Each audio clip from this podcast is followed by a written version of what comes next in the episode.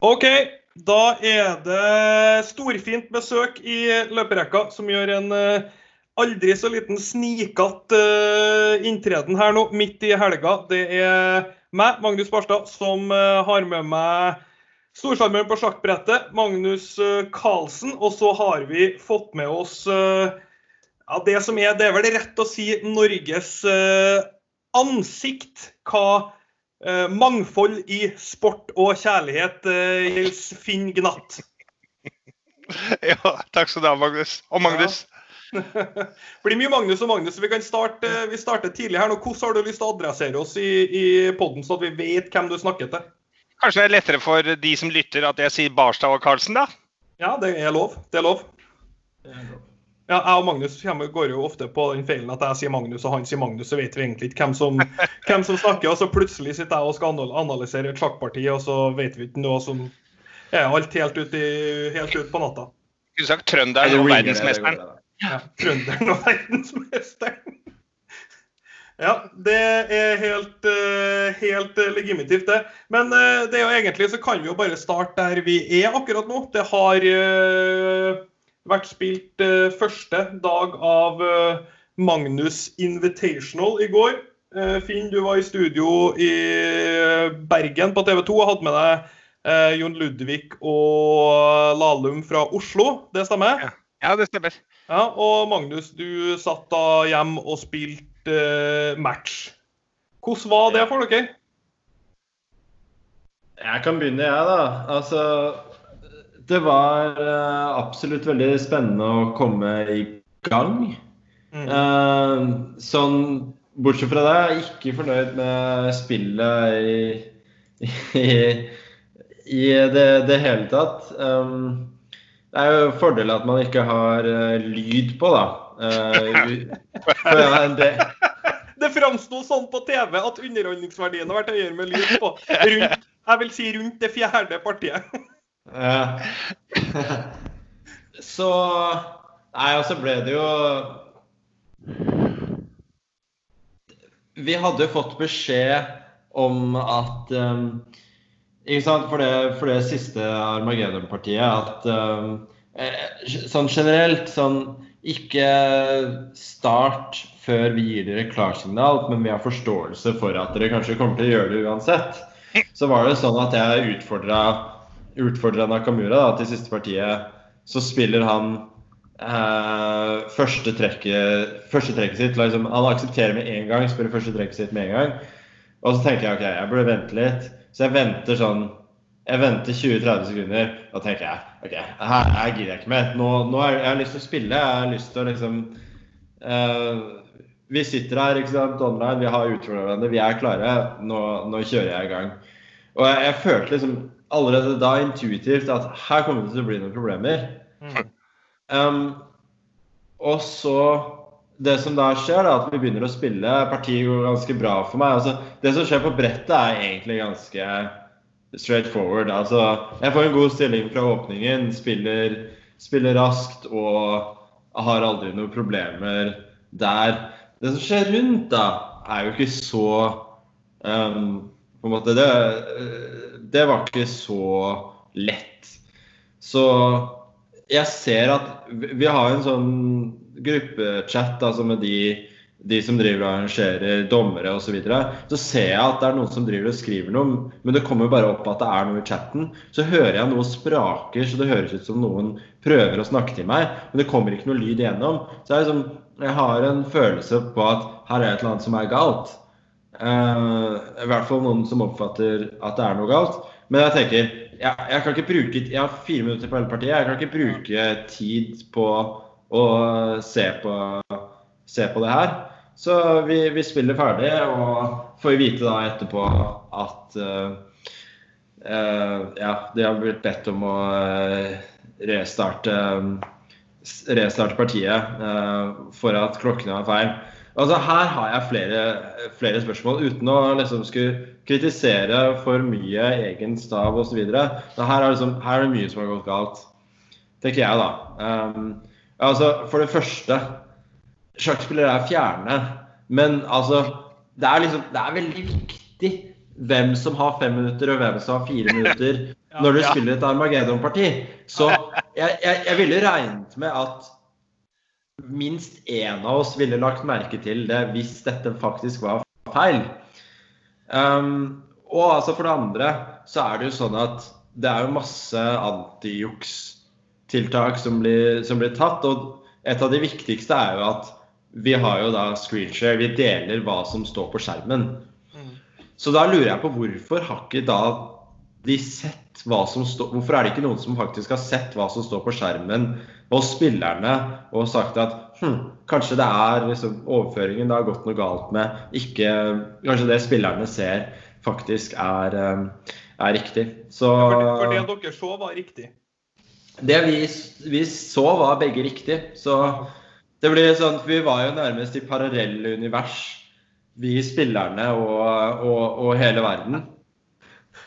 Ja, for Finn, du var jo inne på det her i sendinga. Du er ganske spot on faktisk, at du konkluderte med at det her måtte være, eh, måtte være det som hadde skjedd. Ja, altså for De klokkene som, eh, som Magnus, eh, Magnus Carlsen sitter i Oslo, og Nakamura sitter et eller annet sted i USA. Og de har helt riktig klokker, og Magnus Carlsen spiller veldig bra og har et klart overtak. Eh, også, men vi her ute i verden, både i TV 2-sendinga, for vi får jo den samme streamen som går ut på Chess24, der var klokkene feil. Så der så det ut som eh, Nakamura hadde veldig mye mindre tid igjen enn han faktisk hadde, og at eh, Magnus Carlsen hadde all verdens mye tid. Men de to gutta var jo, de bare spilte sjakk, de, ikke sant? Inntil åpenbart eh, Nakamura, mens han, han for det, det tweeter han om etterpå, han får en beskjed fra overdommeren som vel sitter i Tyskland, tror jeg, og sier at abort. Altså, vi, vi, vi starter på nytt, men han valgte heldigvis å la være, og de valgte å fullføre partiet. Men vi, vi andre rundt omkring i verden, inklusive i studioet vårt, vi var, vi var veldig usikre på om det resultatet ville bli stående om Magnus Carlsen hadde vunnet. eh, Eller om de kom til å spille om igjen for at eh, de hadde feile klokker. Men de to gutta hadde jo riktige klokker! Ja, da må jo det, Resultatet må jo stå da. Eh, Ja, jeg er jo gæren. ja. Nei, det, det, var, det var en litt absurd, absurd situasjon. Så jeg, jeg tror det som kan ha skjedd, er at de har rett og slett ja, Nei, jeg vet ikke. At de på en måte ikke hadde tatt høyde for at den som spilte svart, var den som utfordret hvit, så derfor Jeg, Ja, jeg, det- jeg vet ikke. Det må jo være en enkel menneskelig feil, liksom at man har trykt altså at man har trykt feil, rett og slett. Det var ganske forvirrende for seerne, og ganske forvirrende for eh, de som skulle prøve å veilede fra studio. Men Ja, det, det, det, det, skjønner jeg, det skjønner jeg veldig godt. Altså, man, man, man sitter jo da og, sikkert i dine sko og som ser altså, Man skjønner altså Det er noen som tar veldig feil her, men du, du vet ikke helt, eh, helt eh, hvem det er. Jeg syns, jo det virka som at uh, på måten dere spilte på, at dere ikke hadde et problem. Uh, ganske tidlig så virka det som dere spilte helt vanlig. Eh, så, Ja, altså, som så seer er så var ikke så vanskelig. ekstremt egentlig. fjerne. Enten så er vi ekstremt gjerne, eller så vet vi hva som, hva som foregår. Men jeg synes altså Bortsett fra det, så tror jeg dette blir eh, Jeg tror liksom alt, alt de greiene der kommer til å løse seg fremover, så det blir, eh, blir mange spennende dager. Jeg, jeg, jeg har et par betraktninger der. Jeg, jeg tror eh, Det er så spennende. altså Hurtigsjakk på det nivået der. De beste. Husk på at i den turneringen her har du nummer én, to, tre, fire og fem i verden. Og de tre andre gutta er jo rett oppi der, de òg. Sånn at det er så innmari høyt nivå på disse utøverne. Og, så, og, og formatet med fire partier hurtigsjakk, det er så spennende. Og vi så bare i, i disse som eh, Magnus og Nakamura spilte i går. Altså hvordan den ene leder og har tilsynelatende full kontroll, og så er det et, et eh, feiltrekk, og bom! Så går den over, og så vinner den andre. Så eh, det er, det, er, det er så latent spenning hele tiden. Det er så mye action. Og så er det gøy også å se kroppsspråket til de to. Da Magnus hadde tabba seg ut i det fjerde partiet der hvor du hadde det, Magnus. Du hadde, du hadde det jo! Ja, da var du sinna på deg sjøl. Jeg, jeg følte liksom Altså, jeg hadde den tryggeste stillingen i, i verden fra, fra åpningen der. Så, ja. så er det liksom fullstendig kortslutning da, i løpet av, i løpet av et par trikk. Ja, Det er fantastisk underholdning, altså. Ja, det var, det var veldig eh, som, eh, som seer, og jeg prøver jo kanskje å ta litt into account som kanskje litt sultefòra seer på, på eh, live idrett på et bra nivå. Så var det, det var utrolig tilfredsstillende å se på i går. Og det var veldig artig at eh, tempoet var høyt, og at man fikk kjenne på dem. Eh, for som, liksom, som skjer, så tror jeg det er de decision de store avgjørelsene når man liksom sitter og Jon Ludvig sitter og roper 'han må dit', 'han må dit', og så skjer det noe annet. Altså De, de, store, de store, trekkene der, de, de som, at de kommer fort og under press, er veldig veldig tilfredsstillende å se på, syns jeg. Det er, det er veldig, veldig, viktig, tror jeg. Altså, at du får på en måte to faser i partiet. At du, du prøver på en måte å legge opp uh, spillet som, som om det skulle være et litt lengre parti, altså med store planer osv. Og, og så på et eller annet tidspunkt, som du sier, så er det som, du har ikke tid lenger, og da, da må du gå fort. Og da liksom kommer alle menneskelige sidene fram veldig fort. Og Da vil jeg få lov til rett og slett å berømme Magnus Carlsen. fordi Hvis man ser historisk på uh, utøvere som har vært verdensmestere back in the, in the, day, da det var Aljekin og før det Lasker De spilte jo veldig få uh, partier sjakk uh, mens de var verdensmestere. Magnus Carlsen spiller en hel haug turneringer klassisk sjakk, og nå syns jeg du framstår som en som har en utpreget vilje til å være med og drive sjakksporten videre inn i 2020-årene. Med at uh, internett er kommet for å bli. Her har du en, en, sport som har muligheter på dette nivået med å streame og få det ut. Du trenger ikke nødvendigvis å sitte i samme sal. Sånn at, uh, at du som verdensmester går i bresjen for den nye tiden med sjakk, det syns jeg er, uh, er veldig viktig. Og jeg tror du kommer til å få en, et eh, altså, Du kommer til å virkelig bety noe for utvikling av sjakksporten med, med, måten du går i bresjen for dette her. Jo takk. Altså, jeg, jeg, jeg håper virkelig at dette her blir, uh, blir en stor del av, av fremtiden. At uh, vi kan ha disse turneringene med, altså, med spillere på, på toppnivå som um, som, eh, ja, som du sier, spiller, spille hjemmefra og ja, kan, man, kan, man, kan spille, man, kan, spille, oftere, på en måte. Det blir mer action for, uh, for alle sammen. Så jeg, jeg, tror dette er uh, definitivt en stor del av det som kommer til å være fremtiden i, i, i sjakk. Vi hadde en stor utfordring i går som jeg tror vi kan få forbedret til de senere sendingene. Det er at vi på ingen av partiene vi kommer alltid litt etter eh, når partiet har starta, for det er en litt sånn lag i tid. Sånn De har allerede spilt flere trekk før det skjer noe på brettet vårt. Eh, så det, hvis, hvis, vi kan finne en eller annen måte sånn at vi vet at der begynte partiet, så blir sendingene og, og, og, og tilbudet til seerne våre enda bedre. Ja. Vi kan jo si som ilddåp i går, da. Uh, ja. Så vil jeg si at det gikk, uh, det gikk veldig bra. Og var helt klart et konsept som er modent for å bli gjort på den eh, på denne måten og i denne skalaen.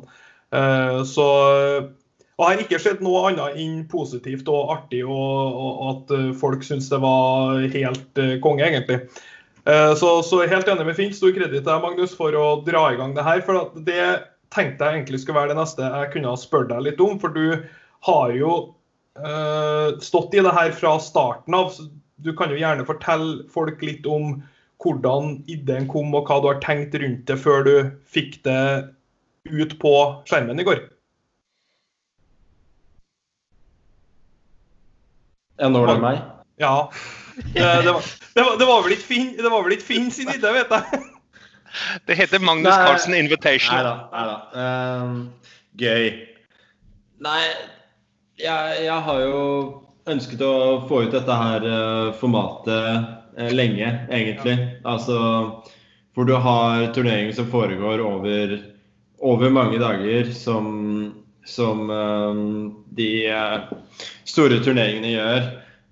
og i, i, tillegg da um, Og at du får, liksom, du får flere partier, og du får, får mer action, og det, det tror jeg er det tror jeg er veldig bra, og det har jeg egentlig ønsket um, lenge. Jeg ønsket jo også da faktisk uh, fra, fra, starten at man skulle uh, Man skulle spille hver dag, da. Ja. Um, og jeg var, som, jeg var åpen for at du til og med skulle spille to matcher uh, per dag. Uh, så det liksom blir åtte timers eh, sesjoner. Men eh, det blir jo veld, veldig utfordrende med alle de som, um, de som jobber rundt. Så jeg tror kanskje det er greit at vi har gjort det sånn som, um, sånn som vi har gjort det. Men jeg Altså ja, jeg, som, som, sagt, altså, dette er et konsept som jeg har jeg har tenkt på lenge. Det begynte egentlig i VM-matchen uh, 2016. At jeg, jeg, tenkte på en måte Du har Du har altså det tiebreaket som på en måte ble det som var den store spenningen til slutt da, i, i, i matchen. Og jeg tenkte sånn Hvorfor hovedtanken min er hvorfor spiller man så få partier når man skal avgjøre hvem som er best. ikke sant? Så jeg, jeg tenkte at det det, er liksom, det er, bedre om du spiller flere partier for å, for, for å skulle, skulle, avgjøre det. Og selvfølgelig da må du ned på betenkningstiden for å, for å få tid, tid, til det. Men jeg tenkte også da med at mindre betenkningstid, så skiller det mer. og det blir forhåpentligvis mer spennende å se på fordi det er, eh, det er mer, eh, mer, action. Så det var eh, Ja, det, det var tankegangen min den gang. Og det åpnet seg egentlig bare den muligheten nå som måtte alt annet er avlyst. Da, da sa jeg bare at det her må vi gjøre, rett og slett. Det her må vi, det her må vi få til. Dette dette er, dette er tiden. Og som du sier, Barstad, vi er jo sultefòra på action. Altså vi, dette er jo, det, kom, det, er midt i blinken, dette her, så timingen er jo perfekt, og selvfølgelig ikke tilfeldig. Nei, men eh, det er litt sånn, hvis du har sittet på den her, så helt som Magnus sier nå, da skal du, da skal du trykke den igjennom nå. altså. Det, det er helt, uh, helt, korrekt, det. En, uh, en, ting som du nevnte for meg, Finn, som jeg også stud, nei, studert, som jeg stussa litt på i, i går. Uh, Magnus, du ser ikke uh, Hikaru under, set, under, matchen, ikke sant? Du ser kun brettet? Nei, altså, jeg kan jo Vi har jo da den, som sagt, den gruppevideochatten, så jeg kan se ham hvis jeg hvis jeg vil, men det er ikke hovedfokus. Altså, jeg, jeg ser på brettet. Ja. Jeg er single-minded der. Nei, for eh, det, det Finn, det Finn nevnt, var altså i den uh, første kampen der han har hvit, så sitter han med headset på. Uh, og da satt jeg og tenkte sånn hm. Uh, både jeg og Finn hadde tenkt det samme her, at da er det jo mulighet for litt av hvert, hvis du sitter med headset på. Ja, for altså, det, det, Der sitter jo også seerne våre og sier at ja, men kan ikke han jukse nå? Kan ikke det et menneske ja. sitte med en uh, kjempecomputer og så, og, så, og så, ringe inn uh, han og gi han opplysningene han får på øret underveis? Fordi det er jo tross alt hurtigsjakk de bruker, uh, av og til noen minutter på et trekk osv. Det, er ikke, det er ikke lynsjakk. Så det syns jeg var rart at han fikk lov til. Og så, så, skjønte jeg at han ble bedt om å ta det av seg også. Men, men der, der, tenker vi, vi vanlige dødelige jøss, yes, her kan det jo jukses. Ja, jeg, jeg, jeg, er helt enig. Altså, jeg mistenker selvfølgelig ikke han for, eh, for, for noe som helst, men jeg jeg, jeg følte intuitivt at uh, Jeg hadde jo også spurt om headset var, var lov, og jeg fikk svaret nei. Uh, jeg, jeg, fikk beskjed om at jeg fikk lov å høre på um, musikk, men uh, det vil, regnet jeg med måtte være på liksom, eksterne eh, spikere, altså, og de faktisk eh, Jeg regner med de tar opp lyd da, fra kamera, så de hører at liksom, dette her er eh, eh halvdårlig musikk. Dette er ikke noen som eh, Men hvordan eh, går folk gjennom hvordan det her gjøres for å unngå fusk og fanteri? da? Nei, Vi har jo da vi har jo kamera rundt, og vi har jo en hel prosedyre med Altså, det skal ikke være noen andre i rommet. Hvis du må på do mellom uh, Det er mens du spiller. Tough luck. Går du ut av rommet, så har du tapt. Um, så altså, det er det er, som, det er en lang rekke da, prosedyrer som vi, som vi må følge. Og det skal nevnes altså, med alt det med, med headset altså, Jeg synes at det er supert at man tar alle disse antijukstiltakene. Altså, det viser at dette er, ikke en, dette er liksom ikke en tulleturnering. Dette er ordentlig seriøst med de, med de beste i verden. Men jeg tror, liksom, jeg tror det er bra i tillegg at man har da spillere som har så lite insentiv for å jukse. Du har altså du har altså de absolutt beste spillerne i verden. Folk som allerede lever av sjakk, og som tjener, tjener ganske bra på det. Intuitivt så ville det være veldig mye vanskeligere for dem å risikere karrieren sin på, på å jukse her. Altså, Veldig er- gode poeng. Veldig, veldig gode poeng. Ja. Insentivstrukturen er bra sånn sett. Om du på en måte hadde hatt en mer åpen turnering, eh, kanskje folk ikke hadde sittet på webcam osv. Så, videre. så altså, det er det ingen tvil om Da hadde du fått juks. Men her jeg, jeg, jeg har rett og slett utrolig vanskelig å se for seg at noen vil, eh, noen vil risikere det. Altså, det er så enkelt i, i, i sjakk at eh, du blir tatt i juks. Altså, du, du er ferdig. Du, bare, bare glem det. Du kommer ikke tilbake. Det er ikke noe to år uh, EPO-straff her. Og så. Nei, da blir du aldri invitert igjen, ikke sant? Nei, det er, det er det som er, ikke sant. Du, Det heter jo ikke invitational uten grunn. nei, for, for- fordi altså Selvfølgelig vil du kunne spille offisielle turneringer etter at uh, karan, eller, karantene, sier jeg. Et, um, Suspensjon. Suspensjonen er over, men, men i og med at så mye sjakk da er private turneringer, ja, glem det. Det er ikke ingen sjanse. Men uh, apropos juks. For jeg klarer jo i mitt uh, skulle si skjønne lille hode, men det blir helt feil å si. Jeg klarer i, i, i mitt uh, store, litt rart forma hode å tenke ut at uh, det må jo Du har et stort hode. Jeg har et ganske stort hode. Kapsa er et problem. Eh, De er på det ytterste haket ofte. Men eh, eh, du som har vært et liv i sjakken, du må ha hørt noen gode juksehistorier. Jeg kjenner at jeg er her nå for å høre en god juksehistorie. Det må være noen som har, tatt, som har tatt sjansen med moderne teknologi og tenkt at her blir ikke jeg stoppa.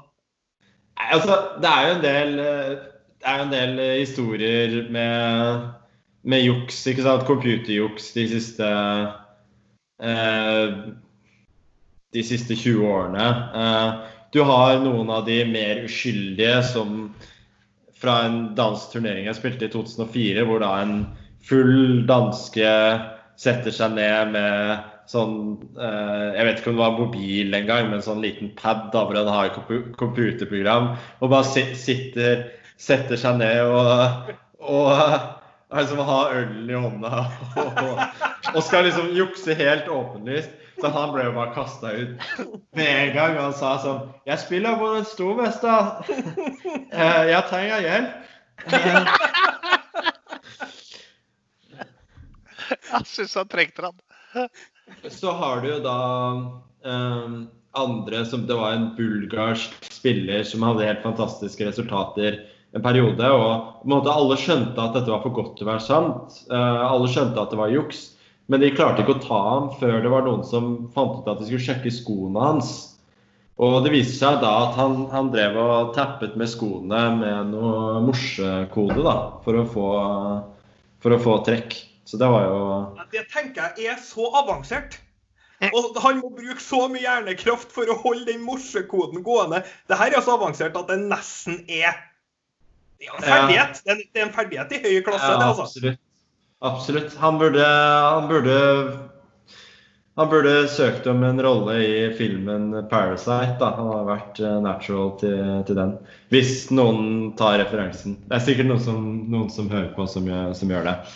Um, nei, så Da hadde jo han i Norge, ikke sant? Stein Bjørnsen, blinde sjakkspilleren som, uh, som, uh, som juksa.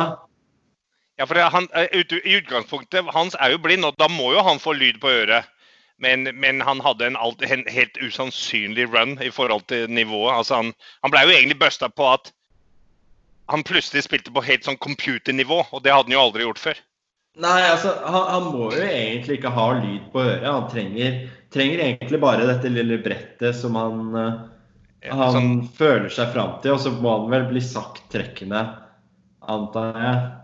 Ja, for han må vite hva, hva hvilket trekk motstanderen har gjort, ikke sant? Ja, men det, altså, ja. motstanderen kan jo bare si Men jeg har sett altså mange blinde sjakkspillere Eller mange og mange, det er ikke så mange jeg har sett, det, det skal sies.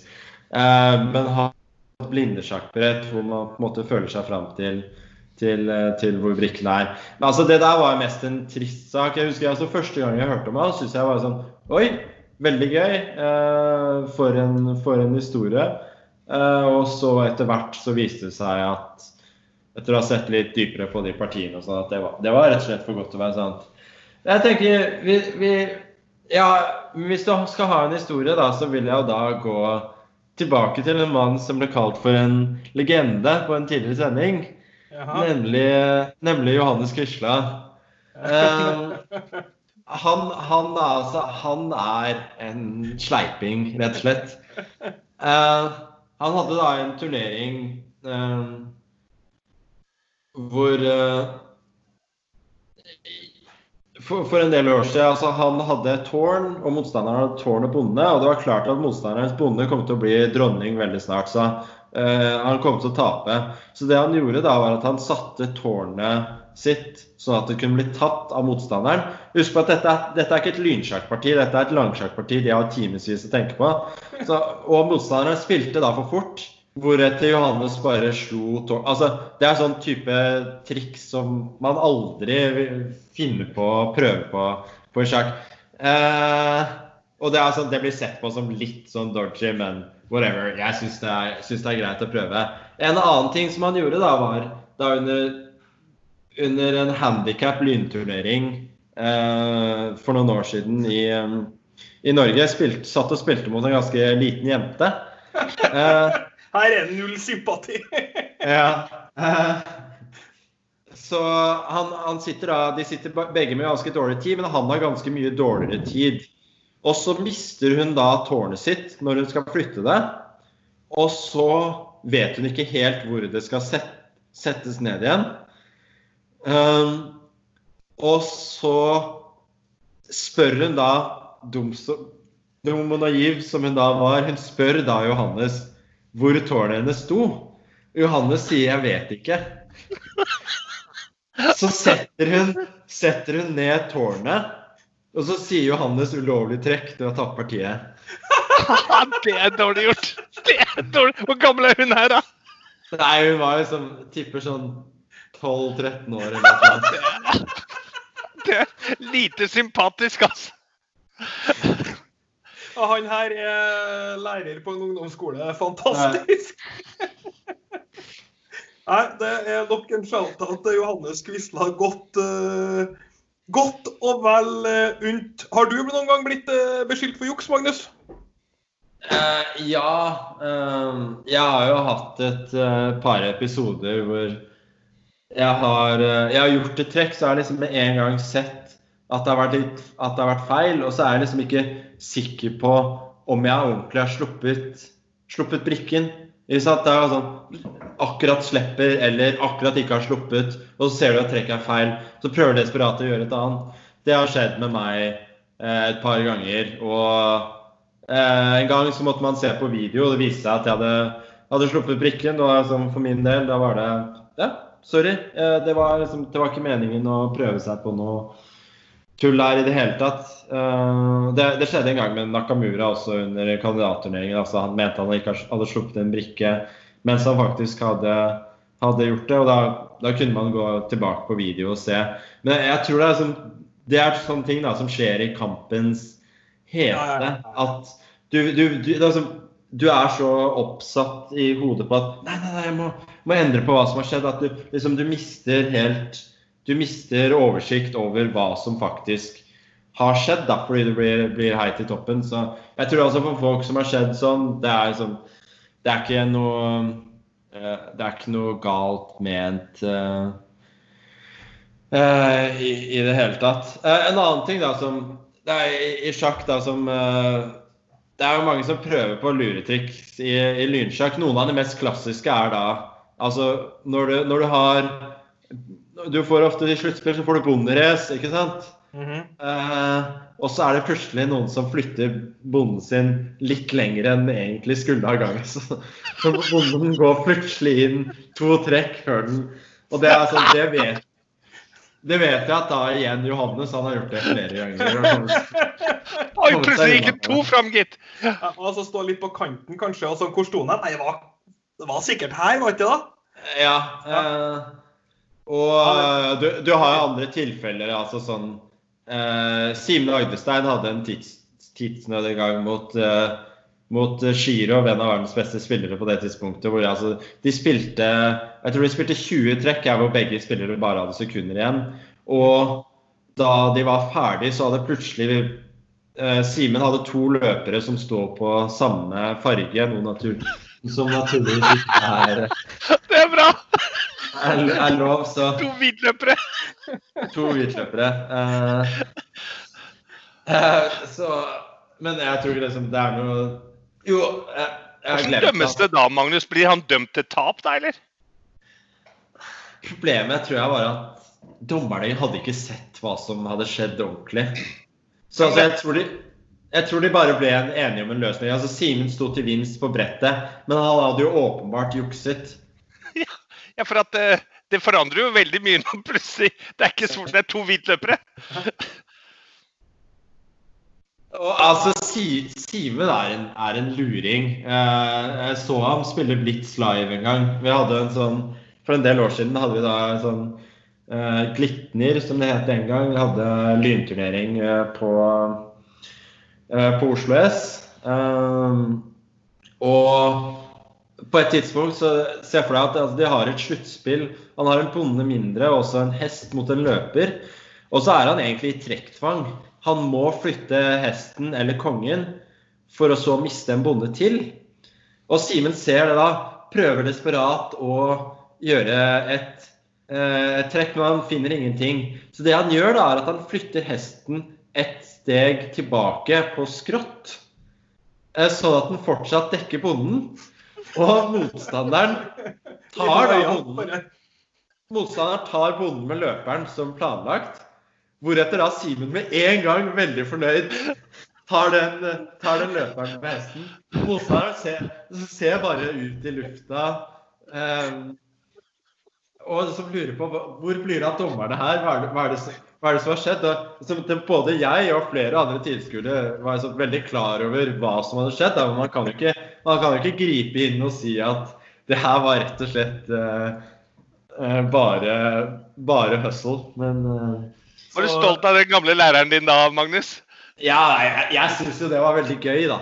Og Simen har jo påstått senere at eh, at uh, det, her, det her var ikke meningen, men at det er vanskelig for å tro på. Altså den, den miden han uh, spilte det neste trekket sitt, det, det får meg til å tenke at her var det en gammel hustler uh, som var i spill. For min del, jeg tenker det skal man ha skal man ha, ha respekt for. altså Når du greier å høsle så sterke stormestere på, på den måten, i tillegg til at du greier å få dommeren til å, til å se hva som eh, skje- ikke, eh, ikke se hva som har skjedd. Da sier jeg altså som i fotball Er du god nok til å jukse, så Ja. Får du respekt. det var, det var gatesjakkspilleren som kom fram der.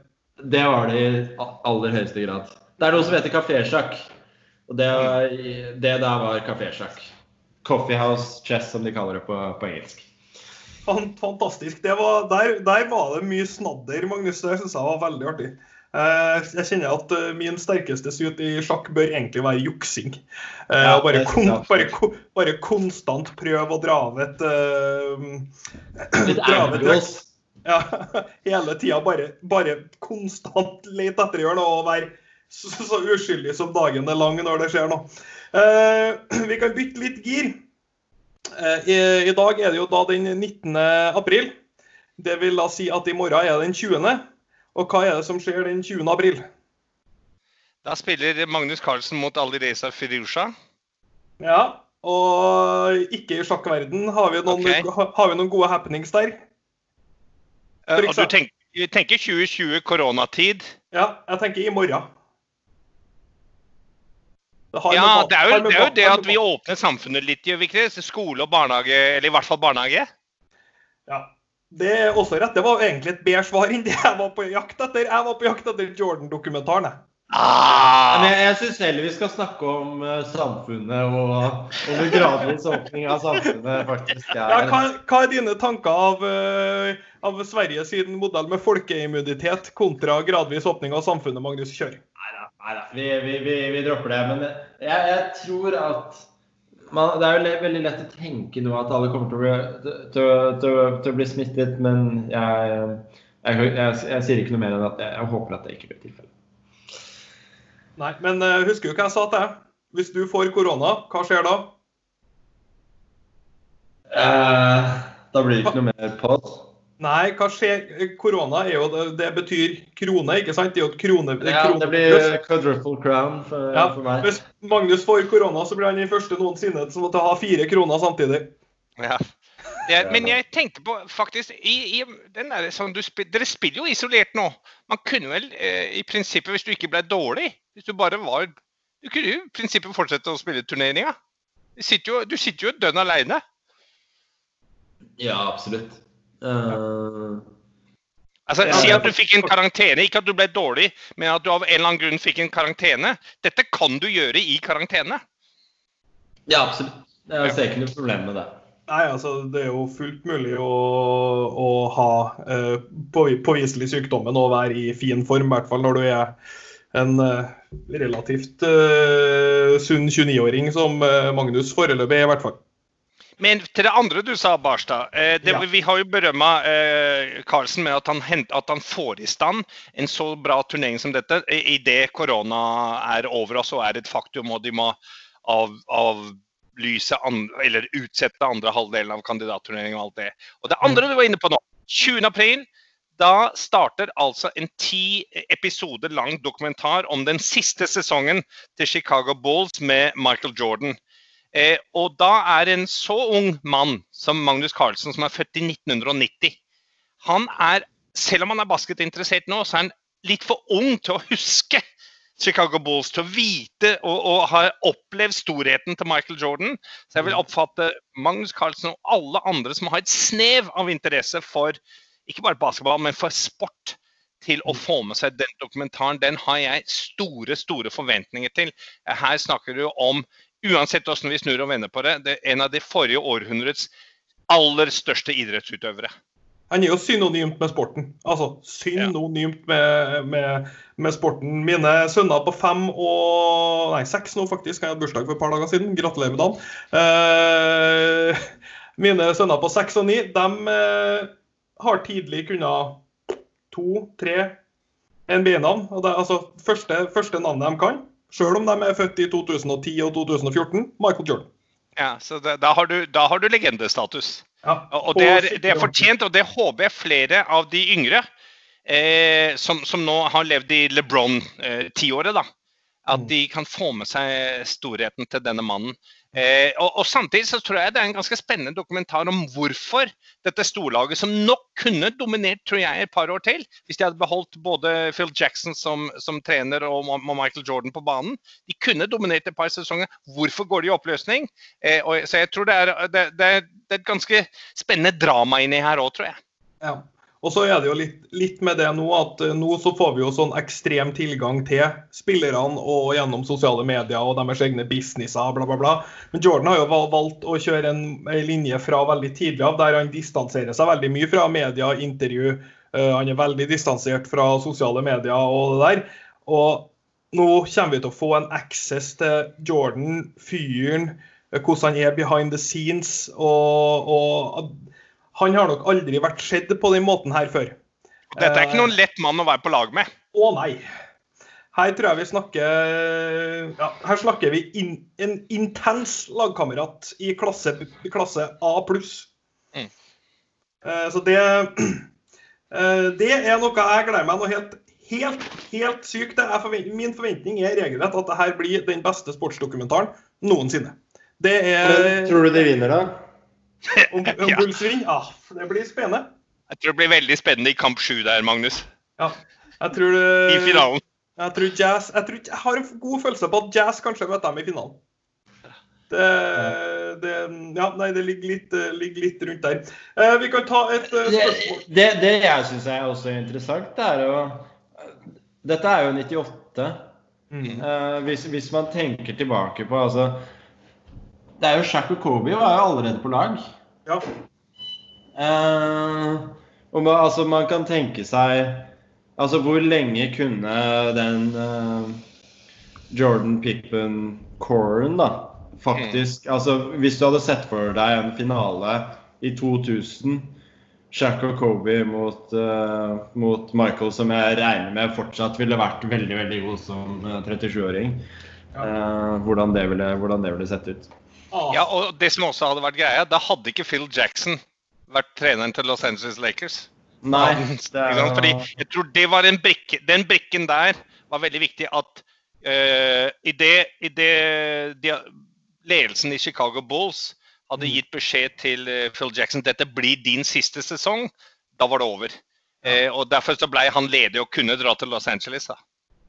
Ja, Han var også selvfølgelig veldig instrumental for å få Kobe opp på et uh, Han hadde jo erfaringer med Michael Jordan og fikk satt både Michael Jordan i kontakt med Kobe på et ferdighets- og personlighetsmessig plan, og, og fikk jo også forma Kobe. For det, det, folk ikke husker med Kobe, at Kobe var jo ikke superstjerne fra dag én.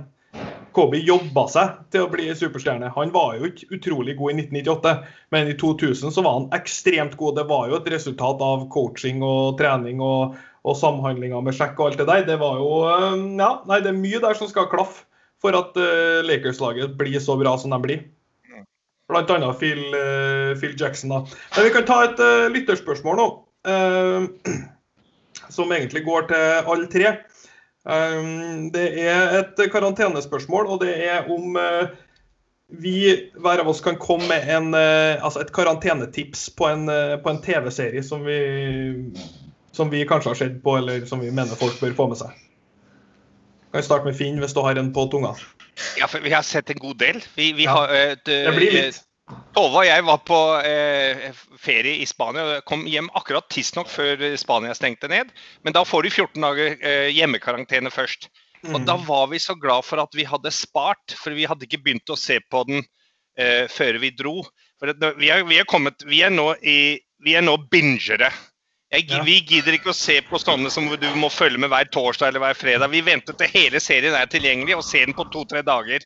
Og ja. Da var vi veldig glad faktisk at vi hadde holdt um, uh, den norske dramaserien som handler om hun varsleren, som nok sannsynlig er veldig basert på en sann historie fra, fra Røkke og Bar. og den Heksejakt. heter Oksejakt. Ja. For Det er noe av det bedre jeg har sett av norsk drama noensinne. altså. Den var veldig bra laget. Veldig god trøndersk skuespillerinne som hadde hovedrollen der, eh, Barstad. Eh, så nei, det var, det var veldig glad vi fikk med oss den, og at den var så bra. Mm. Det var kjempebra. Eh, den, den har jeg sett i løpet av karantenen og støttes absolutt. Magnus? Ja, jeg har sett veldig lite TV-serier i det siste. Egentlig enda mindre etter at det ble karantene. Hva har du gjort, da? Skulle du flytta, du?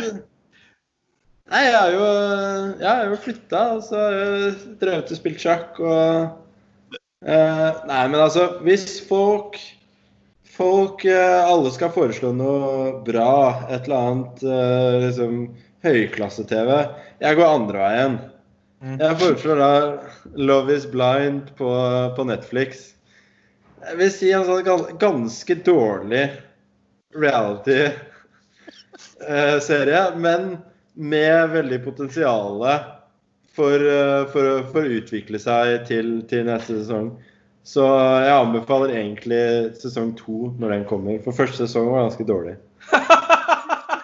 du, du håper på bedring? Du anbefaler at sesong to blir bedre? Ja. Det er mitt tips. Ja, for der, der, der, har vi jo et veldig fint sånn toskille mellom egentlig da eh, sånn som heksejakt, veldig god, veldig spennende TV, og mye av det jeg ser er veldig bra, men mye av det jeg ser òg er utrolig dårlig, og jeg er veldig underholdt av det. Det, skal, det sier jeg rett ut. Sånn type junk-TV. Vi snakker danskebåten, Lagerkrigen, Storage Hunters, Extreme Makeover. Alle sånne der type sånn, som, tid til dette? Ja, de som går på Vox og Max, og det går ikke an å finne dem på nettet. Så etter jeg fikk meg sånn Altibox, så har jeg satt på sånn record på dem der. Og det er bare å kjøre på norske hva heter det, norske Rednecks og Ullared kjøpesenter og Ørebro camping og alt det der får meg til å føle meg som en utrolig smart og artig type. Og da, da er kjø, kjø, Danskebåten er sykeste jeg har sett. For norske folk som tar danskebåten 100 ganger i året. Eh, eh, ja. Eh, Det er, nei, det finnes. det fins, ja. Ja, ja. ja, ja, ja, ja. Livet er danskebåten. Ja, livet er danskebåten. En fyr som hadde tok en eh, s- har, eh, 78 ganger i 2016. Så han skulle toppe det, så da tok jeg den over 100 ganger i 2017. Eh, Så da snakker vi om at du tar danskebåten fram og tilbake og fester og kjører på. Og så Det sykeste som jeg så, var at når de kommer fram, så har de da handla kvoter, og der finnes det da sånn elektroniske skap. For det her er tydeligvis en ting at du tar båten flere ganger. Så da går du, legger fra deg tingene dine, altså skjenken og røyken og det i skapet. Tar båten en gang til, doble kvoter. De har det Men har vedkommende ingen jobb? Jeg hacka systemet. Jeg kan Jeg er ganske sikker på at trygd er et nøkkelord her. eh, For at det her skal gå opp. Eh, Hvis ikke, Det der går jo ikke hvis du er i fullt arbeid. Det er jo klin umulig, for å være ærlig. Du har jo ikke eh, 100 turer med danskebåten. Det er jo hele året, det. Det Det er jo det. Det er jo det, Ja, det, er det du gjør. Det er like mye som du er, det er jo 200 døgn. Det er like mye som Magnus er rundt og reiser og spiller sjakk. Eh, det er ekte dedikasjon for danskebåten. Mitt egentlige tips skulle være Better Call Saul, men jeg kjenner at skaff dere en Altibox og så få ned all sånn junk-TV. Det funker minst like bra. Men Better Call Saul er must see hjemme hos oss også. Ja, det er bra, altså. Det er Jeg, jeg digga, eh, eh, jeg digga eh, Breaking Bad. Og så syns jeg det er utrolig at de har klart å få til det så bra som Better Call Saul. ja. Ja, Det altså, er rolige tempoet. Ja, det er veldig bra. så, likt, men sammen, samtidig så ekstremt annerledes. Uh, han selve Saul Goodman han er helt på toppen av mine all time TV-karakterer. Han syns jeg er fantastisk artig. Veldig Det her syns jeg blir altfor bra. Jeg vil anbefale folk der hjemme heller gå for, eh, for danskebåten. Danskebåten. Det blir helt klart og tydelig danskebåten. Eh, jeg gleder meg til å plukke opp den norske Rednecks, og det, det tror jeg virkelig har, eh, har potensial. Men vi kan kjøre litt videre. Et annet spørsmål som vi fikk, går til dere to, og det syns jeg er litt det synes jeg er et litt artig spørsmål.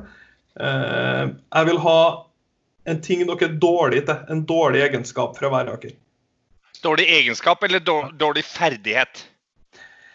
Um, nå kjenner jeg at jeg kommer til å bestemme den her, og da tror jeg vi sier ferdighet. Ja, ok, Da slapp jeg å si at jeg er sånn eh, at jeg er sånn det blir sånn bråsint. Det slapp jeg å si. Mm. Uh, nei, men det er jo så enkelt som at. Hva? Nei, Du slapp unna å si det nå, merker jeg. Ja. Nei, men for meg så er det enkelt som at eh, jeg kommer eh, Jeg kommer aldri til å vise mine sjakkferdigheter eh, off, offentlig. For de er fryktelig dårlige. Ja, ok, Så den, den er beholdt for å spille med barnebarn og, og den Ja. Og det, det, er, det er der jeg kan fremdeles dra noen seirer. Ja, bra. Magnus? Nei eh, Jeg skulle ønske jeg kunne sagt eh, egenskap. Eh, Du skal få lov å si egenskap nei, da, men da skal jeg si at jeg er Da ville jeg sagt at jeg er lite ydmyk. Men hvis det gjelder faktisk ferdigheter, så er det én ting jeg er utrolig dårlig til. Det er å tape diskusjoner. Jeg taper aldri diskusjoner. Han snudde den. Hæ? Turn that right around on you. Ja, for det har aldri skjedd. Du har aldri opplevd det, Magnus. Jeg har aldri opplevd det. Det er bra. Eh, Finn, du er jo dagens gjest, så det er jo ikke helt, eh, vi er jo ikke helt i vater før vi eh, får tatt litt på deg òg. Du er jo eh, du, ja, For den som ikke har hørt livshistorien til Finn, den kommer vi ikke til å ta her nå. Da må dere høre Heia fotball-podkasten. Den har både jeg og Magnus hørt. Det var fantastisk underholdende. Det skal, dere, det skal jeg virkelig ha kreditt for. et liv utenom det vanlige, ville jeg døpt den podkasten. I hvert fall en, en slektshistorikk utenom det vanlige. Ja, ja. Eh, eh, for, for folk flest er det jo mest kjent for å ha vært i TV 2 siden hva er det, starten av 90-tallet. starta. Ja. Jeg, jeg, jeg begynte et par dager før vi var på lufta i 1992. Ja, ikke sant? Eh, så du er jo mest kjent som nyhetsanker og, og Eller sportsanker er vel kanskje det du er mest kjent som for, for folk flest. Og er, er en mann som er veldig interessert i sport og kan ganske mye om veldig mange sporter, ville ha vært min beskrivelse i hvert fall. Ja, men Det er riktig. Eh, og, og Der hjelper det at jeg har vokst opp i, flere land. altså Norge var det tredje landet. Eh, sånn at da, da får du litt sånn du får litt andre in, input og ting du interesserer deg for enn bare det vanlige som, som alle norske barn er oppdratt med. Mm. Og så, så er det bare et eller annet som fascinerer meg med, med konkurranseaspektet. Mm. Eh, og så, og, så- når du, jo, jo mer du kan om forskjellige idretter, jo mer interessante blir de. Mm. Så det er ganske mye jeg er fascinert av i idrettens verden. Det er det. Eh, hvis du skulle rangert dine topp tre favorittidretter? Ja, Nummer én er eh, udiskutabel. Det er Australian Rules Football, altså uh, Aussie Rules, AFL. Mhm. Den, den er liksom sånn langt foran alt annet. Eh, og så jeg har, jeg har jo den Det jeg nok bruk, ser mest på, er helt vanlig fotball. Mm. Eh, for at det er jo et eh, det, Jeg elsker den spenningen der. Og jeg vet Jeg er ikke på og det, Jeg hører på noen av de der podkastene dere to har med Morten Langli. Så jeg, jeg har ikke den detaljkunnskapen om alle spillerne på alle lagene i Champions League som dere har. Men jeg fascineres av fotball. Jeg digger det. Også Du er Newcastle-fan, ikke du? jeg, jeg er Newcastle-fan, ja. Defin, definitivt. Newcastle er eh, laget i, altså Premier League-laget mitt. da. Der ser du litt ting om dagen. Har du tanker om det? Jeg har, jeg har tanker om det. Jeg, eh, jeg har sammenlignet med I 13 år har vi slitt med Mike Ashley som eh, vår eier. Mm. Og nå er det ganske mange som jubler for at han er ute, eller ser ut til å være ute og solgt det til noen som virkelig har store økonomiske muskler. Men så er det de betenkelighetene, og heldigvis hadde vi en bra reportasje på dette her på TV 2 i går. De betenkelighetene til f.eks. Amnesty International, altså de nye eierne som kommer fra Saudi-Arabia, det er sannsynligvis det verste tilfellet vi kommer til å ha sett hittil av eh, sportswashing. Hvor altså et gjennomkorrupt eh, regime skal bruke et eh, oppkjøp av et eh, idrettslag, av en populær klubb i en populær liga, til å liksom vaske sitt renommé. Fordi dette er jo, Han prinsen som er involvert der, var nok helt direkte involvert i eh, henrettelsen av journalisten Khashoggi. Det er altså, du, du, er helt du, du er helt ned på despotnivå. Og da. sliter jeg som Newcastle-supporter for uh, å glede meg over de pengene som kommer inn nå. For eh, jeg, jeg sammenligner med her, har du en pasient som i 13 år har eh, slitt med at han har gonoré. Endelig er han, eh, kommer han til legen, får diagnosen. De gode nyhetene er du har ikke gonoré lenger, men de dårlige nyhetene er du har uhelbredelig kreft. Ja, ikke sant. Men du kommer, til å, du kommer sannsynligvis til å ha det veldig gøy da, mens du dør av kreften. Ja, eh, jeg, jeg, jeg, jeg respekterer sønnen min, var, eh, som du lager eh, Time Out-podkasten med, Magnus, Fredrik.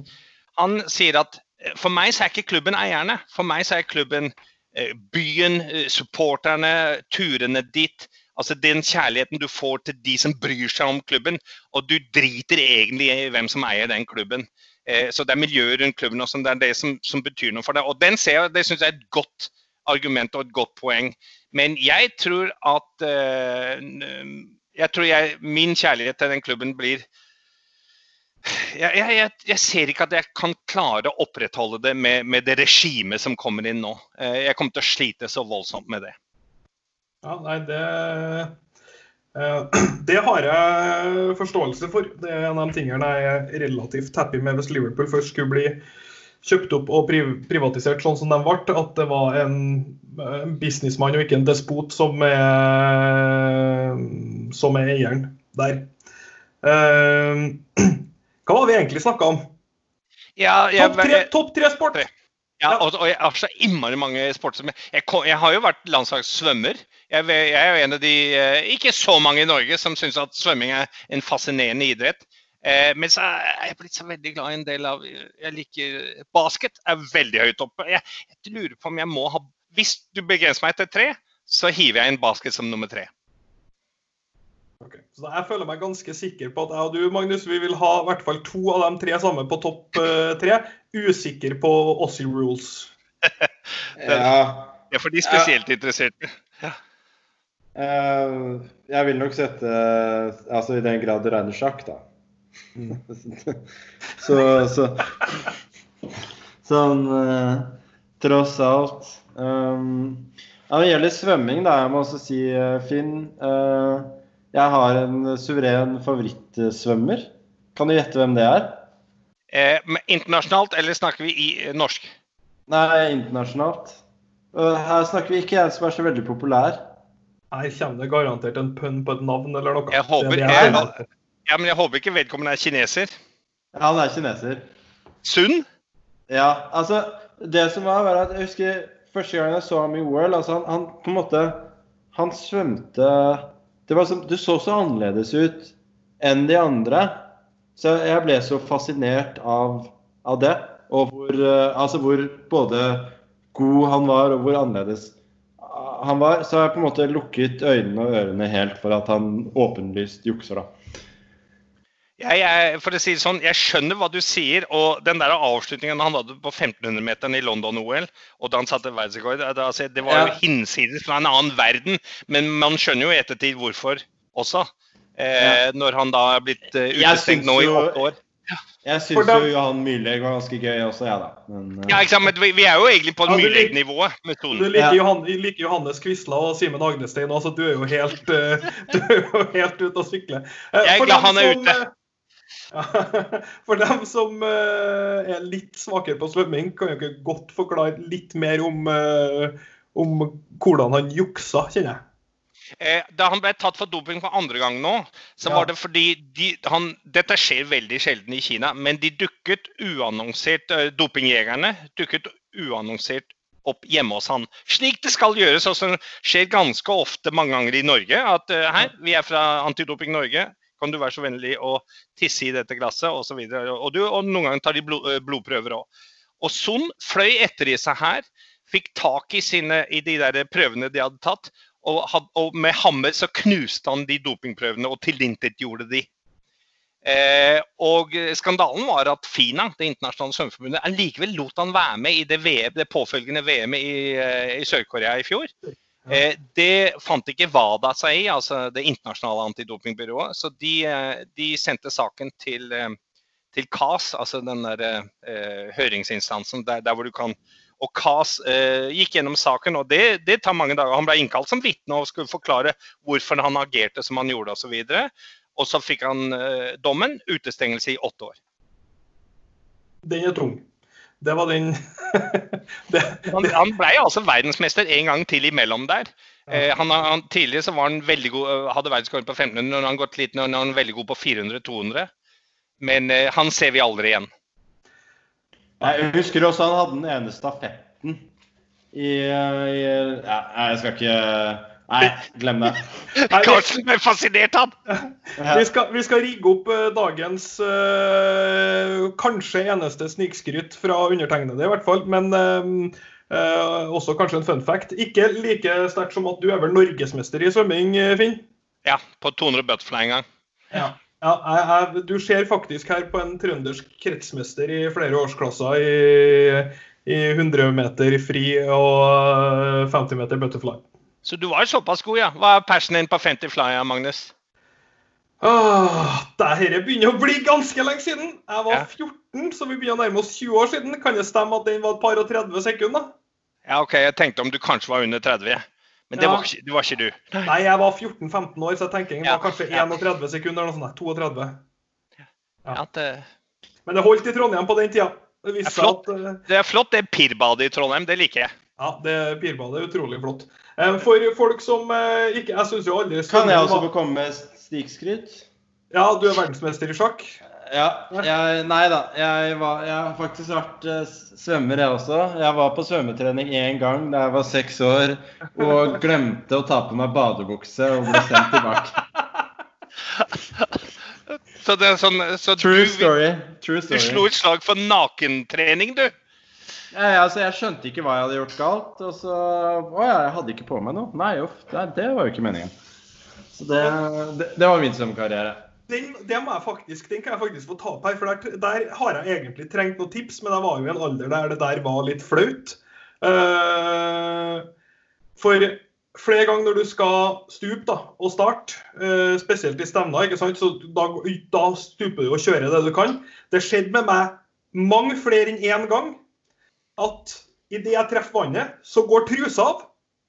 Så jeg skal altså svømme en 50 eller 100 meter, men må nødt å ligge på bunnen og dra på meg trusa. Mister jo alt momentum framover. Må svømme opp, og så starte å svømme. Og det er jo helt håpløst.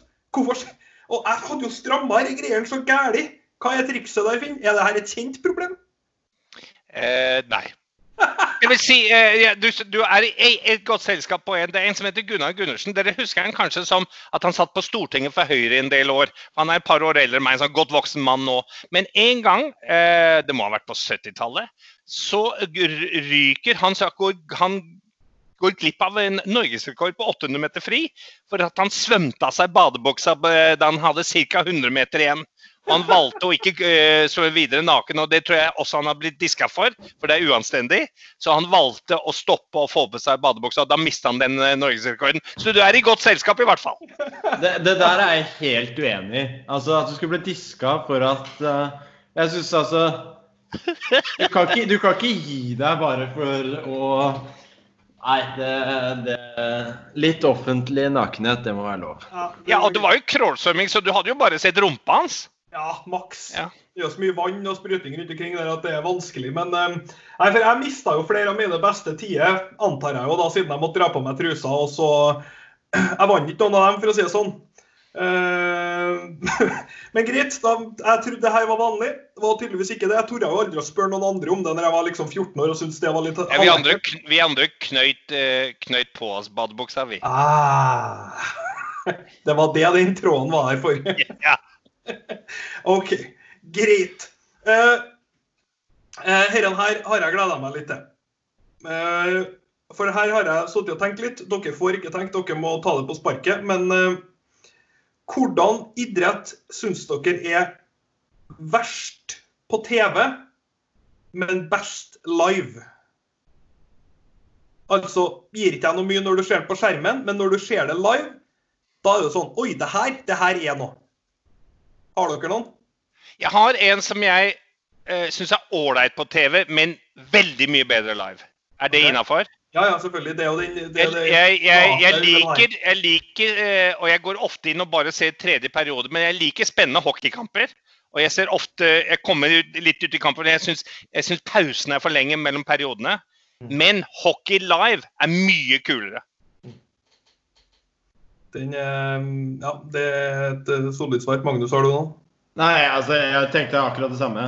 Hockey, hockey på TV gir meg egentlig ingenting. Altså, jeg ser ikke pucken og uh, Ja, og som Finn sier også, det er jo det er lange pauser og liksom ikke interessert nok til å, til, til, til å se det. Uh, mens, mens live så er det mye, mye bedre. Du kjenner tempoet i spillet. Eh, du føler mye bedre på det, føler spenningen på, på en helt annen eh, måte. for- Eh, Jeg tenker kanskje også på, tenk, tenk hvor skreddersydd skiskyting er blitt TV-produkt som TV-produkt. da. Ja, Det er kanskje, det- ja. det motsatte igjen. Ja, for De fleste sånne sporter, altså det å se en Formel 1-bil passere i et halvt sekund, og så vente i fem minutter den kommer igjen eh, Og samme som skiskyting og sånn der type ting. og Det er jo skreddersydd som TV-produkt. Det er fantastisk TV-produkt. Ja, skiskyting er faktisk et veldig, veldig, veldig godt eh, TV. Men uh, altså Formel 1 det er fortsatt uh, til gode. Altså, jeg, jeg, jeg, sånn, jeg skjønner ikke poenget. Det er en bil som kjører rundt på, på, på den jeg, jeg skjønner ikke helt uh, fascinasjonen med det. Men den, jeg har, den er på watchlisten min, og fordi folk jeg stoler på på TV-serier, sier at den Drive to Survive Jeg, jeg, kan, jeg, jeg sier det, det kjøper jeg rett og slett ikke. Jeg kommer ikke til å se Drive to Survive. Jeg kommer ikke til å kaste meg på den, på den hypen. Jeg, kommer, jeg, kommer, jeg vil ikke sikkert komme til å like det, men det er sånn, jeg har bestemt meg for at Formel 1 det er ikke noe for meg. Det er bare sånn, det er poengløst. Har du sett den, Finn? Nei, nei, men jeg har faktisk hørt gode ting om den. Jeg har hørt veldig gode ting om den. og Blant annet sønnen din var jo helt i hundre over den. eh, og han, eh, ja, Utenom at han syns Office US er artigere enn Office UK, så er ikke han så verst på TV-serier. Eh, det, det skal han faktisk ha. Jeg, jeg, jeg synes jo også altså, det er, Hvis du først skal se på noe, jeg syns jo både da eh, motorsykkel er morsommere. For altså, der er det jo liksom Det er mer Det er faktisk utøverne kontakt med overflaten på en helt annen måte. Så det er sånn det, det føles på en måte så upersonlig, ikke sant? At du, du sitter der inni en sånn svær bil. Nei, jeg, jeg, liker det ikke. Neste gang Eh. Neste pod Magnus har sett Drive to, to Survive, kommer til å sitte her i sånn Ferrari-caps. Det, Ja. det, det er helt klink. Og jeg syns også sånn type rally appellerer litt mer i og med at da skal du manøvrere bilen på en helt annen måte. Det er liksom andre typer utfordringer, da. Ikke bare eh, mer sånn hvem har best utstyr, hvem greier å kjøre fortest på, på samme bane en, en haug av ganger. Det er sikkert et veldig eh, forenklet inntrykk, da, men uh, Rally kunne jeg godt tenke meg å stått ute i skauen og sett live. Det tror jeg du får et helt annet inntrykk. Og jeg har ennå ikke gjort det. Kommer i 170 i svingen og fyker og bilene hopper. og Det tror jeg er veldig imponerende å se på. Jeg kan gi dere mitt svar, som jeg syns er verst på TV, best live. Det er veddeløp og hesteløp og sånn der type ting, om det er hundeløp eller hesteløp. Det syns jeg er utrolig kjedelig på TV. Men de få gangene jeg har vært på live, kjempeartig. Det kan jo ha noe med at det er skjenk og det er middag og folk står og vifter og styrer med, med kupongene og roper og smeller. Det appellerer til meg på en helt annen måte enn å se det på TV. Det gir meg ingenting. Ja, Og så får du spenning, spenning for eh, om, om, om hun, din hund eller din hest Ja, ja. Om du får noe penger tilbake, ikke sant? Ja, Hundeløp er faktisk noe av det artigste jeg har sett på. Eh, Nå skal jeg ikke gå inn, vi skal ikke gå inn på noe sånn eh, hunde, hunde- og dyrevernsgreier. Jeg vil bare si at hundeløp var veldig artig. Eh, Jeg, jeg har jo forresten ikke gitt mitt svar, da. Uh, hvis jeg skal si noe annet enn hockey. Men uh, jeg vil bare slå et bitte lite slag for, uh, for baseball. Jeg, og et slag for baseball. ja, det er no pun intended. Mhm. Eh, nei, altså, jeg syns jo Veldig, veldig kjedelig å se på i Se på, på TV. Også ganske kjedelig å se på i, eh, i virkeligheten. Men det som er greit, er at du alle er klar over at det er ganske kjedelig. Så man er klar over at man er der mest for å liksom, henge, med, henge med venner og kose seg. Eh, sitte, sitte og snakke, ikke sant? Det er night Eh, out, rett og slett. Og så ja, også sånn plutselig så er det noen som som uh, slår ballen ut av stadion, ikke sant? Og det er jo gøy å se på. Men altså, dette er jo en sport hvor det er to og et halvt minutt med spill på tre timer. Så altså, du vet hva du får. Du vet at det du får, er veldig lite action. Så jeg vil si det er fullstendig poengløst å sitte hjemme og nistirre på. Men er man der med, med venner, ikke så dumt. Ok. Er helt legit svar var egentlig jeg har hørt det der fra flere, for å være helt ærlig. Eh, vi kan snu bitte litt på den. Hva syns dere er altså da nok en gang den største, største forskjellen mellom hva dere syns er verst på TV, og best å spille sjøl?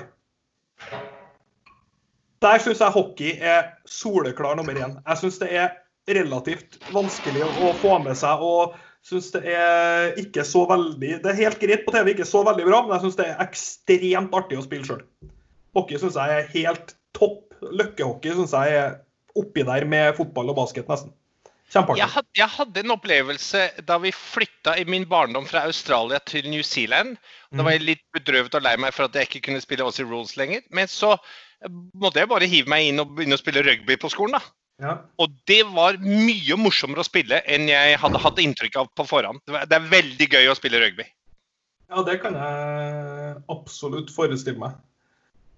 Magnus? Nei, det er, det er jo ikke så, så lett. Altså Litt samme stil. Jeg kunne aldri tenkt meg at det hadde vært så veldig gøy å se på innebandy på TV. Så jeg, jeg, føler at jeg, jeg føler at det gikk noe innebandy på TV i gamle dager. Mm. Sånn en gang iblant. Det var i hvert fall litt på Sportsrevyen og, og noe greier. Men um... Men det syns du er gøy å spille sjøl? Ja, det er jo ikke så gøy, så det var jo ikke Dårlig eksempel, da. ja, det var veldig dårlig eksempel. Eh, vi, skal vi, skal begynne å, å runde av. Det, eh, det, siste vi, jeg tenkte vi skulle ta, var bare litt på Finn, for du er jo som sagt en, en, en TV-mann med både kunnskap og, erfaring på TV. Og eh, vil jeg tro er et ganske et hjerte, hjertespørsmål fra både meg og Magnus. Det er ikke et uh, lyttespørsmål i den grad uh, noe annet enn at det er sendt inn fra meg. Hva tror du sjansen er for at vi får basketball på norsk TV igjen snart? Ah, jeg skulle ønske jeg hadde Og hva skal til for å lage et godt produkt? Ja, det, De to tingene som taler mot, det er uh, at kampene spilles midt på natta. Mm. Og at For at live NBA er jo helt strålende. Og eh, dessverre en eh, prisingspolitikk NBA holder på med. For at dere husker, eh, du husker i hvert fall, Barstad, at eh, TV Norge prøvde seg en del år. Og så hadde vi våre tre år her for uh, ikke så lenge siden. Inn, altså, gav, når ga vi oss? 2017 eller noe sånt nå? Med, vi, vi, hadde tre sesonger med NBA, ikke sant. Eh, men de har en De tar ikke hensyn til eh, Altså, de priser seg ut. De, de tar, de, det koster for mye for eh, de, til tidssonen vi er i, rett og slett. De tar ikke hensyn til tidssonen, og de tar ikke hensyn til at vi, de norske TV-selskapene, vet at du får ikke kjemperating på basket fra børjan, i hvert fall. Sånn at vi ber om å få det til en overkommelig pris, og NBA sier nei, dette er vår minimumspris. Så de, pris, de har prisa ut de norske TV-selskapene. Så jeg er, eh, jeg er, ikke optimist. For jeg syns TV-produktet, eh, slik NBA-produksjonen er, er jo bra. Altså, Se hvor mye basket du ser, da. Det er for at du syns det er fascinerende. Og, er, og en ting dere sa i en podkast er du gidder ikke å se eh, gamle fotballkamper i reprise. Nei. Men du gidder å, å, gå inn og studere en basketkamp som du allerede veit åssen det ender. Altså, basket er, eh, det er jeg, jeg, jeg, skulle ønske jeg, var mer optimist enn jeg er, eh, Magnus. Hardtslående svar. Hardtslående svar. Jeg tror at man kunne ha fått til et godt produkt, men altså, hvis prisinga er, er utafor fornuften, så er det selvfølgelig vanskelig. Og det vet jo selvfølgelig du litt mer om enn uh, oss. Det er også det at hvis du, du som er NBA-interessert, eller dere to, begge to, er NBA-interessert, du får jo sett absolutt alle kamper du vil. Du bare kjøper NBA Pass. Altså, ja. Så de, de som ja. er interessert, får sett så mye de vil. Ja, det er NBA League Pass til den prisen og tilgjengeligheten det har, og på antallet kamper og sånn der, så er jo det et overlegent produkt. Du snakker 2500 for uh, 82 regular season-kamper av 30 lag pluss sluttspill. Uh, alt kan skje i repriser fra forskjellige kameravinkler med forskjellige kommentatorer. og det er helt, altså Produktet er vanvittig sterkt. Det er et fantastisk tilbud. Ja, det er flere lysår foran f.eks. For et Premier League-produkt som et internasjonalt uh, produkt. Uh, jeg tenkte at vi skulle begynne å gi oss. Vi har holdt på godt og vel over en time. Det gikk fort. Det var veldig artig å ha deg med, Finn. så ser vi veldig fram mot mer Magnus Invitational på skjermen. Det, jeg tror det blir så innmari bra. Nå er det seks runder igjen, semifinaler og finale. Og disse åtte gutta med Magnus i spissen og, og hurtigsjakk. Her er, blir det masse bra underholdning fram til 3. mai. Det blir veldig, veldig bra. Og det må jeg bare si, Selv om jeg bomma på at en, jeg skal ikke nevne et navn her, men det var noen som hadde en, en lita blemme i fjerde parti i går. Enkelte av oss røyk litt Bodsen på den blemma i fjerde partiet. Jeg skal ikke nevne noen navn her. Jeg var den som røyk Bodsen.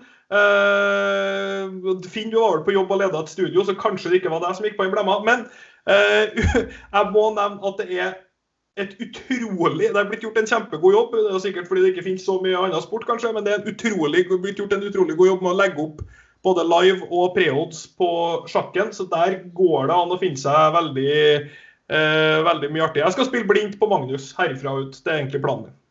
Preach. Ik ikke, ikke noe press. Kan jeg stille et spørsmål til Magnus Carlsen før vi gir oss? Og Det nå som vi er inne på det, og du sier at det går an å spille.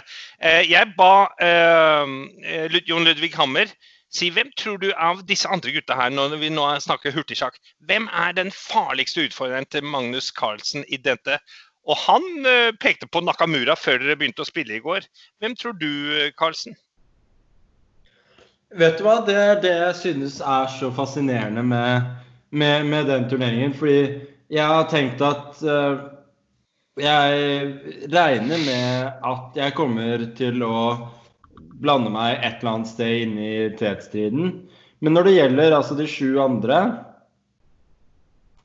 Jeg har ikke peiling. Spennende. Rett, det er rett og slett ingen anelse om uh, hvordan det kommer til å gå. Fordi altså Jeg har sånn en haug av forskjellige sce- scenarioer jeg kan se for meg av hvem som kommer til å gjøre det bra her, og, Mm. og ikke på en måte hvilke egenskaper som kommer til å, å være eh, de, de viktigste. Ta en, ta en som Caruana. Har han, eh, har han merittene i hurtigsjakk som tilsier at han skal gjøre det veldig bra? Nei. Eh, har han eh, det potensialet i, i langsjakk som, som på en måte tilsier at han kan utspille alle her? Ja, så hvorfor skal, ikke- han kunne gjøre det veldig bra? Nakamura, masse meritter i, i, i, i lynsjakk. Eh, Ding Vet ikke, kanskje heller ikke de største merittene i lyn, lyn men du vil ikke utelukke han på noen som helst måte. Eh, så det blir superspennende å se. Og for min del svaret blir pass. Jeg, jeg aner ikke. Ne Nepo var jo i kjempetrykk i kandidatturneringa før den ble, øh, før den ble øh, utsatt òg. Ja, og Varsiela Grav også. Mm. Eh, Du kan ikke utelukke noen av dem, men ville jeg følt meg noe som helst sikker på at de, de skal blande seg i tetstriden? Absolutt ikke. Veldig øh, diplomatisk og godt svar. Du beholder spenninga i er er- turneringa. nei, altså det her er Nei, jeg skjønner at det er et ærlig svar. Jeg skjønner Ja, absolutt at det er et ærlig svar. jeg er ikke en diplomatisk eh, type. Som regel, ja. Og det liker vi. Det liker vi veldig godt. Tusen takk for nå, gutta. Jeg skal ikke beslag på noe mer av søndagen deres. Da skal jeg ut og sette opp trampoline. Den er fin. Ja. Lykke til videre, Magnus. Snakkes, gutta. Jo, takk. Ha det, bra. Ha det bra.